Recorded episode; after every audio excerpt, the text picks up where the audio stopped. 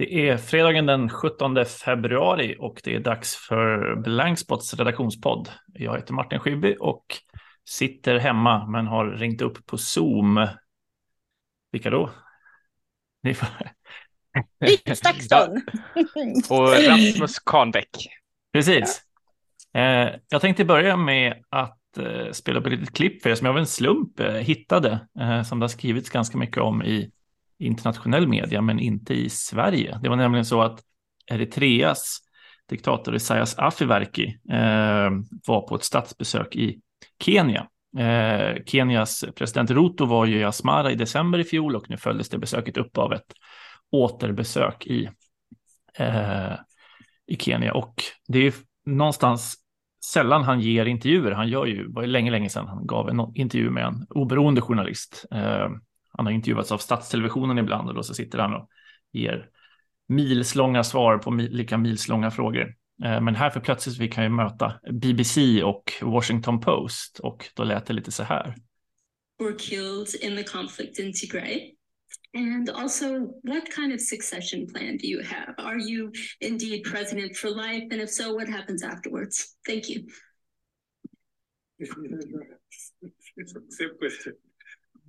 It's, it, it, it's intoxicating you. These lies and fabrications are keeping your mindset in the wrong direction. I can correct that so that you can ask the right question at the right time. Thank you. Thank you, Your Excellencies. Uh, we'd now like to invite you for a tree planting uh, exercise. Ja, efter det blev det tree planting exercise. Eh, men han blir först väldigt tyst när han får en fråga eh, och sen så säger han att det här är liksom eh, toxicated, förgiftade lögner som sätter era hjärnor på fel spår. Rätta till ert tänkande så kan ni ställa rätt frågor vid rätt tid. Eh, och eh, ja, nej men det är någonstans intressant att Eritrea bjuds in i värmen eh, genom det här eh, statsbesöket. Eh, det är väl det signifikativa här egentligen, kanske inte så mycket vad han säger, för det är så här han brukar svara. Eh, och att Kenya skickade också förra presidenten Kenyatta som medlare mellan TPLF och eh, Addis Abeba och Asmara tidigare under konflikten och som var en av dem som såg till att det blev ett fredsavtal i, i Pretoria eh, nyligen. Eh, men jag önskar ju också, det finns några frågor tidigare också där han får frågor om, eh, kommer de dra sig tillbaks från, från Etiopien, hur många har dött i Etiopien? Eh, och han svarar ungefär likadant där, att kom inte med de här provocerande missförstånden, varför bryr ni er om eritreanska trupper som är där eller här eller kommer in eller kommer ut? Eh, varför pratar alla om mänskliga rättigheter? Det här är bara fria fantasier, våldtäkter, plundring. Det är era fantasier. Eh, så att, ja, det är ju det är så han brukar avfärda frågor. Men man kan lite önska att någon hade ställt en fråga om David Isak eller de fängslade journalisterna också. Det känns som att många av de här journalisterna på plats var så upptagna med nuet med det senaste om Tigray och mm, rapporter om antalet döda. Men det hade också varit intressant att ja, när man väl har den helt unika chansen att ställa en, en, en fråga relaterat till, till pressfrihet.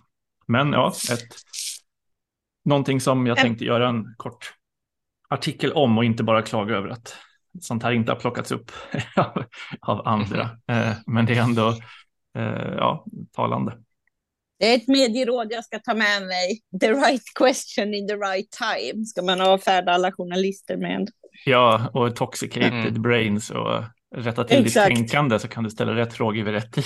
Det vore ju, ja, tänk om någon svensk minister skulle svara så till en, eh, till, det visar ju att, ja men totalt, eh, han hade ju en period där han ändå var van vid internationella medier och han tyckte om att, eh, att debattera, men det här svaret är ju, ja, men jag hörde inte... inte Trump. Den, mm. före det citatet var ju lite svårt att höra, men han, han eh, påstår att alla övergrepp som eh, ska ha skett i Tigray eh, inte stämmer. Det var ja. det som var... Det är fria fantasier, ja, ja precis. Ja. Uh, av eritreanska trupper då, precis.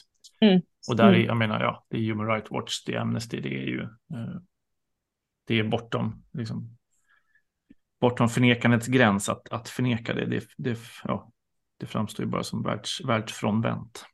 Mm. Alltså en fantastisk mm. reportageserie som Expressen körde nyligen. Magda Gad har ju varit i norra Etiopien eh, och rapporterar om den komplexa konflikten i, i en mängd olika eh, avsnitt, både om konflikten mellan TPLF och regeringen, men också mellan Tigray och Amara-regionen och, och Romo-regionen och centrala Etiopien. Så att det, eh, ja, men jag ska göra en liten nyhet om det, att Afiverki är eh, och Eritrea ska gå med i IGAD nu då, som blev den politiska nyheten, som är en regional samarbetsorganisation. Eh, som de och det är därför de är i Kenya då? Där. Ja, delvis. Eh, så pratar han, det är ju så att säga kontentan av presskonferensen om man lyssnar på hela, att Eritrea går återigen med i IGAD. Eh, och det kommer innebära att han kommer dyka upp på fler sådana här möten. Eh, och eh, ja, pratar ju hela tiden om regionens stabilitet och hur viktig regionens stabilitet är för alla länders utveckling och, och så. Eh, är det så att de hade lämnat eh, samarbetet tidigare, Eritrea, eller, var det, eller blev man utesluten vid något tillfälle? Nej, man vågar inte säga man blev utesluten, men man lämnade ju. Man har ju alltid sagt att IGAD är liksom Etiopiens eh, organ, en etiopisk organisation som går i Etiopiens intressen. Eh, och, mm. Eller ibland anklagar man den för att vara amerikansk styrd och så vidare.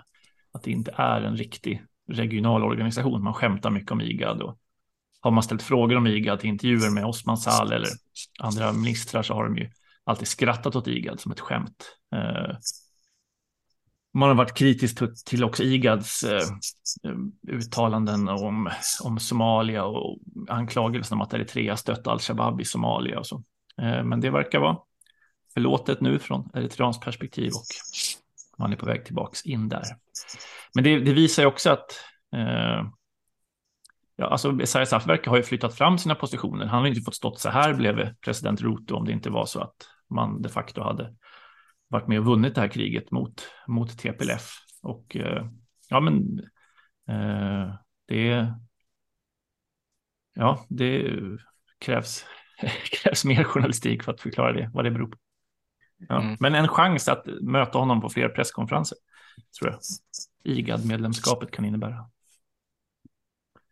Han har ju sig skällt ut också, sägs det nu, sin, sin ambassadör i Kenya. För hur kunde man låta det här ske? Eh, hade han inte kollat upp vilka de här journalisterna var innan man släppte upp honom på den här scenen? Man ser ändå att han är lite tagen av frågorna. Men det är också intressant att president Ruto också är med och skrattar bort dem och liksom, oh, same question again, ungefär. Ja, mm. dessa, dessa journalister. Det är också lite anmärkningsvärd ton. Sen han lät ju ganska att... trängd. Ja, ja. Och sen liksom tree planting exercise. ja, efter detta. Ja. Ja, det är min, min spaning till bordet. Eh. Nej, men jag, jag, jag, tycker det är spännande för att det, det, det, det tar väl ändå in Eritrea och, eh, och Afrikas horn i en, ny, i en ny fas nu efter kriget. Mm.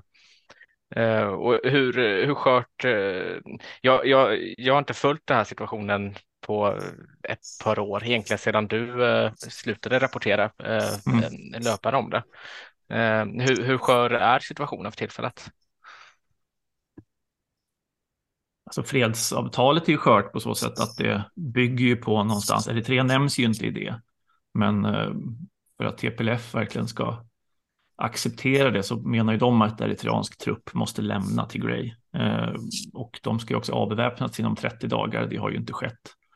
Eh, så att absolut, det är väl skört, men jag tror å andra sidan att risken för, för ett nytt krig inte heller så stort. Alltså bägge sidor har ju utpumpat det var därför det kunde bli en fred, ett fredsavtal eftersom den militära logiken hade nått vägs ände. Så att säga. TPLF var bekämpat eh, militärt och då blev det här fredsavtalet. Eh, mm. Men de grundläggande frågorna om eh, Tigrays ställning, om Abis liksom plan för Etiopien, ett federalt Etiopien eller att, så att säga, respektera de här olika nationella etniciteterna det är ju alltså fortfarande olösta, olösta frågor. Så att allt, allt, allt, allt är tillbaka i 2018, men en miljoner människor har dött. Eh, det är mm. väl slutsatsen någonstans. Ja. Sen är det väl att Ukraina-kriget och allting annat tar ju alltså, både USAs och Europas fokus bort från att eh, belägga sig diplomatiskt i det här. Mm. Och på det torkan och katastrofen som ju också Magda Gad skildrar, skildrar starkt i sitt reportage att du har ju också en matkatastrof efter kriget och en katastrof på grund av uteblivna regn som hade varit oavsett konflikten eller inte, men som har konsekvenserna har förvärrats av den militära konflikten. Mm. Ja. Ja, men det är väl verkligen någonting att hålla lite ögonen på. Jag ser fram emot ja. att läsa din eh, text om den här konferensen och vad det ja. Kan, ja. Eh, kan innebära. Yes. Men du har tittat lite på jordbävningen. Jordbävnings... Ja, nej, men jag, ja, precis. Jag har följt uh, jordbävningen uh, lite mer utifrån, ut, ja, men delvis från armeniskt håll som jag alltid gör. Mm. Men och det, det är ju ganska mycket som har hänt sen vi pratade för en vecka sedan. Framförallt är det så att Armenien har för första gången på 30 år öppnat sina gränser mot eh, sina landgränser mot Turkiet. Ehm, och eh, och samtidigt har ju grekiska utrikesministern varit på besök i Turkiet och man har sett bilder på när, eh, när grekiska utrikesministern omfamnar den turkiska utrikesministern och den armeniska utrikesministern har varit på liknande besök i Turkiet. Eh, och det är ju, ehm, det är ju egentligen första stora statsbesöket på, ja, sen, sen eh, Sovjetunionens fall i, i Turkiet från, från Armenien. Så att det, det är verkligen den här, den här jordbävningen öppnar det, i, all, i, i all den här misären och eh, katastrof som den faktiskt innebär så den har ju också öppnat upp eh, diplomatiska dörrar Eh, i, i en region som är väldigt spänd. Eh, och för Armeniens fall ha, handlar det ju väldigt mycket om ehm, om den här normaliseringsprocessen man har med Turkiet. Eh, man, man, är ju trängd mellan två stycken stater som är egentligen ganska illbilligt inställda till Armenien får man väl kalla det, Azerbajdzjan i öst och Tur Turkiet i väst som båda två samarbetar och har varit djupt inblandade i, i utvecklingen i Nagorno-Karabach och så vidare.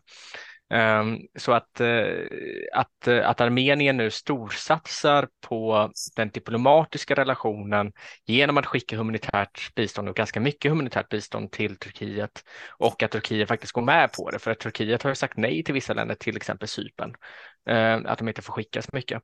Visar också att, att det finns en, en, en vilja från, från Turkiet att detta ska ske till viss del. Ehm, och och Eh, samtidigt igår lämnade Nikol Pashinyan eh, in Armeniens premiärminister eh, över eh, eh, Armeniens förhandlingskrav nya förhandlingskrav ska vi säga till Azerbajdzjan på, en, på, en, på ett fredsavtal.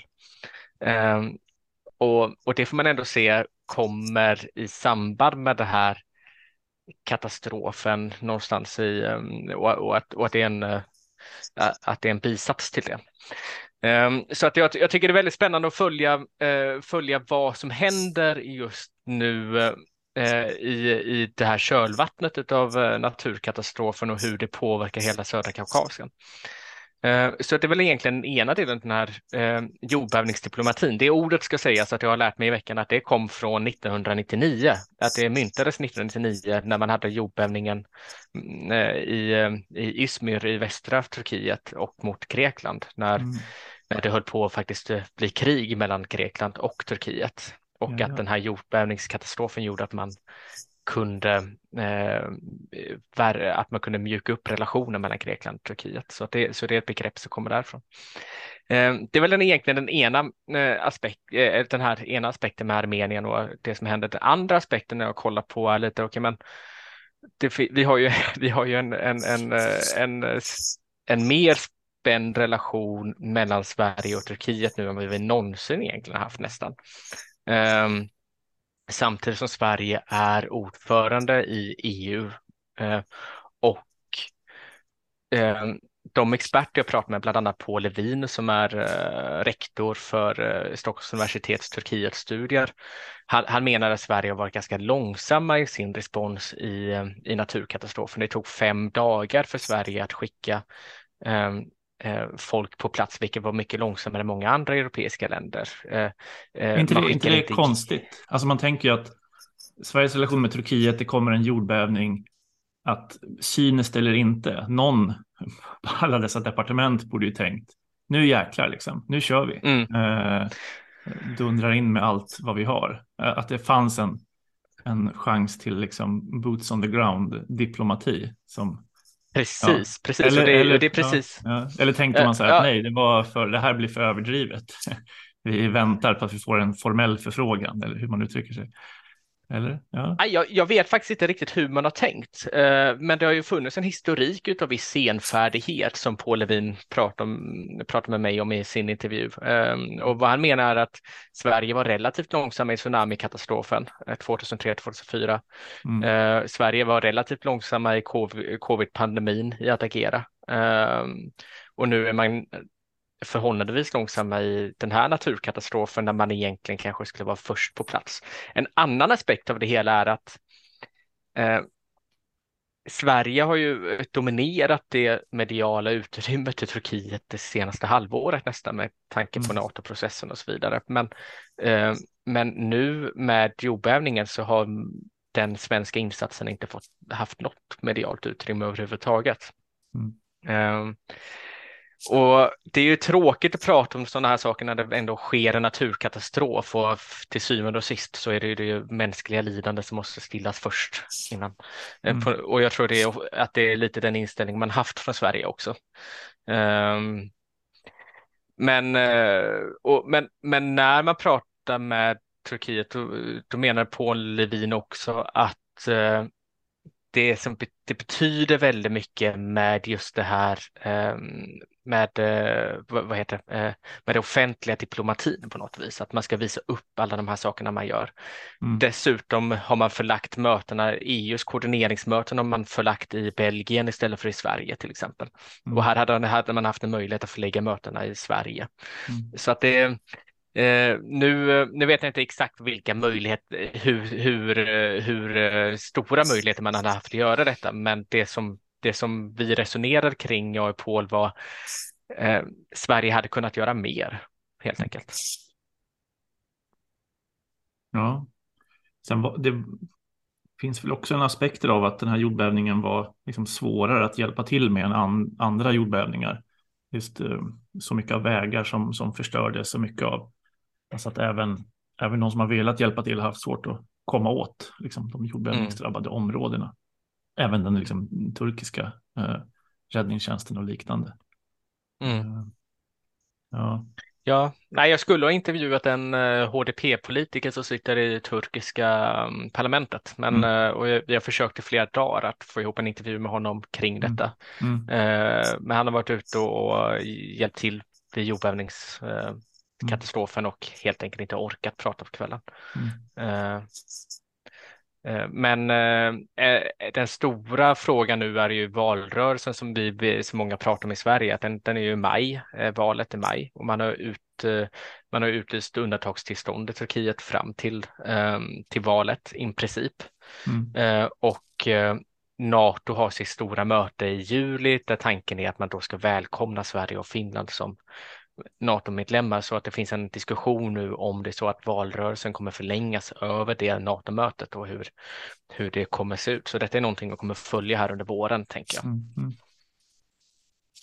Ja, spännande. Mm. Ja, Britt, och dig hörde jag i radion i, igår om eh, kommentarsfälten. Vara ja. eller inte vara ja. Eh, i en, en diskussion om detta var slutet på en era när de sista tidningarna stänger ner sina kommentarsfält. Eh, och du pratade mycket i den intervjun om eh, liksom, relationen mellan läsare och, och journalister som kanske är den stora frågan, mer än tekniska detaljer kring kommentarsfält eller inte.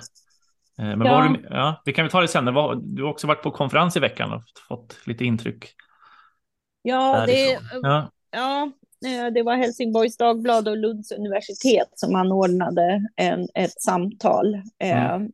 Helsingborg Live, som det heter, ett koncept som de har haft tidigare och som nu drog igång efter, efter pandemin igen. Så det var jag och en forskare i strategisk politisk kommunikation och en content manager i sociala medier och så ledde samtalet av Heidi Avalan som är, eh, hon är väl politisk redaktör på Helsingborgs Dagblad. Eh, och det var ju, alltså handlade om det offentliga samtalet, varför vi är så arga på internet. Eh, och då inleddes kvällen med att Nils eh, eh Gustafsson utifrån sin forskning eh, eh ja, men, presenterade läget och gestaltade det till exempel med ett Instagramflöde som kan se ut som att Kristersson tillsammans med eh, eh, eh Märta eh, Stenevi från Miljöpartiet poserar på en bild och eh, hur kommentarsfältet snabbt spårar ur. Eh, och, och varför, bli, varför blir det så här? Och var det så här vi hade tänkt oss?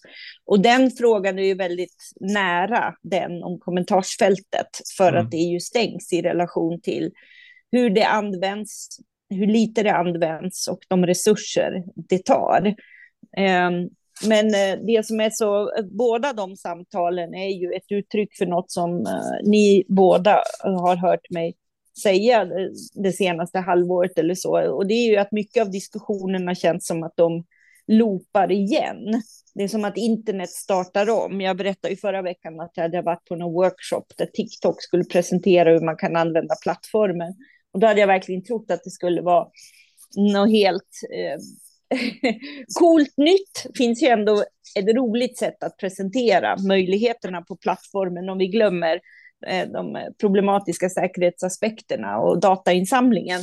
Men det var ju en presentation som lika gärna kunde ha gjorts 2007 när företagen närmade sig Facebook. Det var ingenting eh, som var nytt, eh, möjligtvis vid sidan av det fokus på på videomöjligheterna på ett sätt, men de fanns ju där då också. Eh, eh, och, och, det är lite de här diskussionerna, att det går runt. Och min, eh, mitt mantra under, under samtalet i Helsingborg handlade ju mm, mycket om att, att bryta det här mönstret. Vi väljer ju själva att kanske inte vara så arga utan att ta reda på mer kraften i att använda sitt nätverk och också om, om det är lätt att upptäcka en massa strunt på, på nätet eller dras in i sammanhang så är det ju lätt att också hitta eh, eh, kompletterande information och fler perspektiv eller sätt att leta reda på och förstå att det här som gör mig så arg, eh, kanske det finns en agenda med. Syftet är att man ska bli arg och, och så vidare. Alltså hur den politiska opinionsbildningen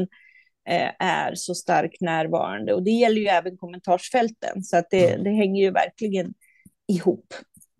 Mm. Eh, och i samtalet om kommentarsfälten så var det ihop med Aftonbladet och de var ju väldigt tidiga ehm, eh, med allt, inklusive eh, läsardialog i olika communities och så. Men det var ju inte utifrån det här starka journalistiska perspektivet som, som ju jag fortfarande tror väldigt mycket på och som ju Blankspot har testat regelbundet. Eh, det vill säga att om jag tar mediestrategens perspektiv så handlar det ju om att det här är ju fortfarande ett otroligt bra sätt för journalistiken att bygga förtroende för den journalistiska produkten, att ge insyn i hantverket och så. Och, och det vet ju du som eh, både som journalist och som chefredaktör att du har sett hur, hur många av våra medarbetare genom åren har jobbat.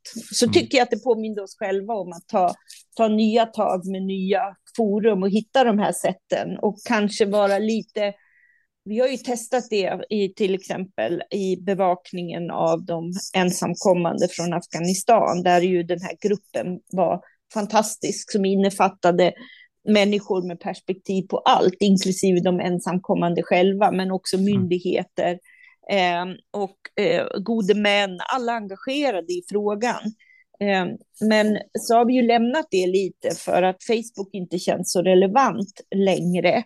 Eh, och vi har ju inte haft kommentarsmöjligheterna på varje artikel. Vi har ju just jobbat med kommunikation närmare oss runt olika reportagesatsningar. Så jag tyckte de samtalen i veckan eh, peppade mig i att vi ska ta omtag på det. Och det har ju du själv också längtat mm. efter Martin, när vi summerade våra åtta år nyligen.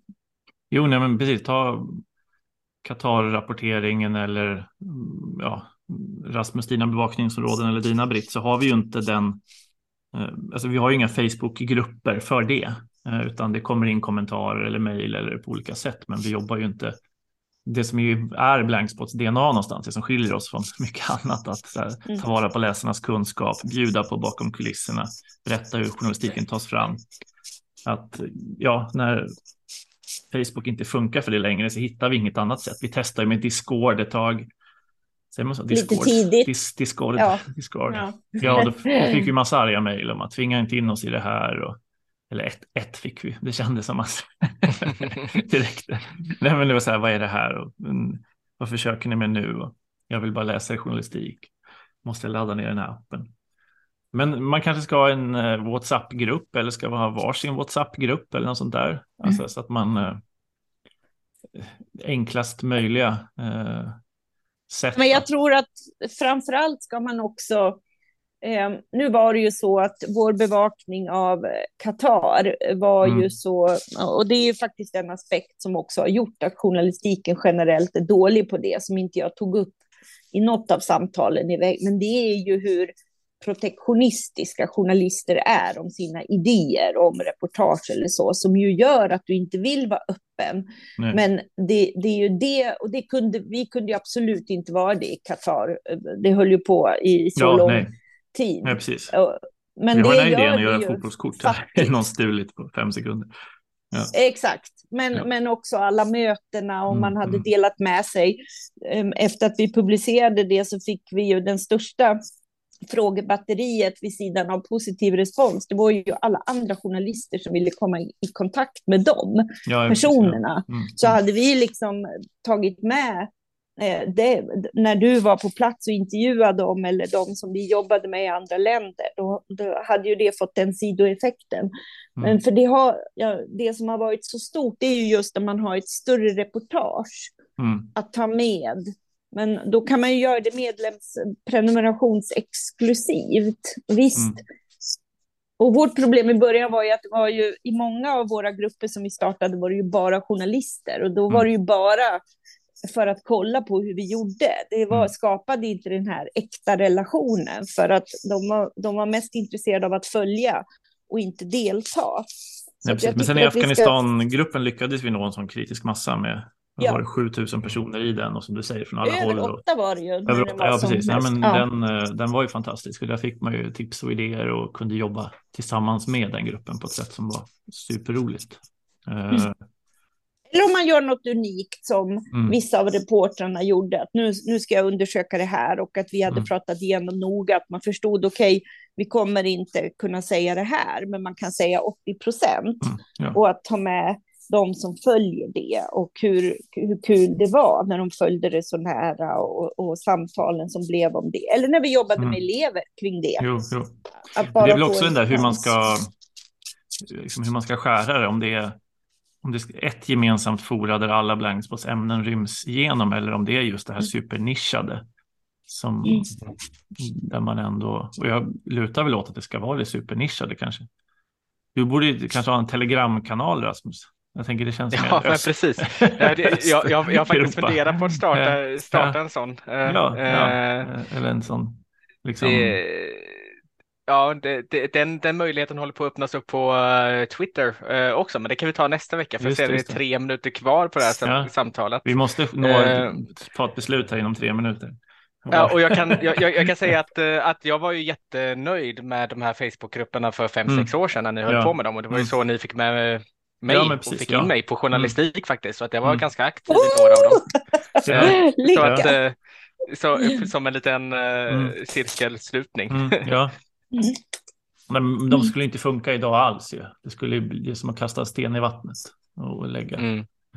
ut, alltså där. Uh, ja, Ja, men vi kanske ska börja i steg ett att också komplettera med att faktiskt addera exakt den funktion som föranledde diskussionen just nu. Det är att DN har slutat och de använder ju tredjepartsleverantören ifrågasätt. Mm, mm. Att vi skulle testa den tjänsten hos oss. Eh, eh, och komplettera det med bakom kulisserna eh, kanaler i Telegram eller WhatsApp mm. eller Signal. Mm. Det låter som en bra plan. Eller om man föredrar Twitter och där har man ju också Twitter Spaces om man vill det och så. Mm. Mm. Det var något också, Mark Zuckerberg la upp något på Insta häromdagen. Ja, Instagram-kanaler. Ja, ja, har du hunnit ju... kolla på det? Är det något sånt ja, här som vi pratar om nu? Eller? Ja, Nej, exakt. Ja. exakt. Att du kan som, du får folk att följa dig och så kan de prenumerera din kanal där du mm. regelbundet håller uppdateringar. Så det tycker jag mm. absolut att vi ska testa. Mm. Mm. Med nischade kanaler, det är bra. Skomakarens barn pratar jag om Britt, men vi får eh, vara vad heter det? mer skomakare än barn då. Eller jag förstår. vi får ta tag i det helt Tolkas. enkelt. Vi får ta tag i ja, det helt enkelt. Det så. Ja. Så, ja. Och nästa vecka, plugg för nästa vecka Rasmus, får du avsluta med. Ja, det är eh, bokrelease eh, den 22 på onsdag klockan fem och eh, vi har fortfarande några platser kvar så att följ, följ upp det. Vi skickar ut mm. lite mer information och påminnelse i nyhetsbrevet om det. Super. Det ser ja. vi fram emot. Grymt och eh, trevlig helg, det som är kvar av helgen när ni lyssnar på detta. Eh, och in och läs journalistiken och nyhetsbrevet kommer som sagt söndag kväll som alltid. Ja, tusen tack. Tack så mycket. Hej, hej.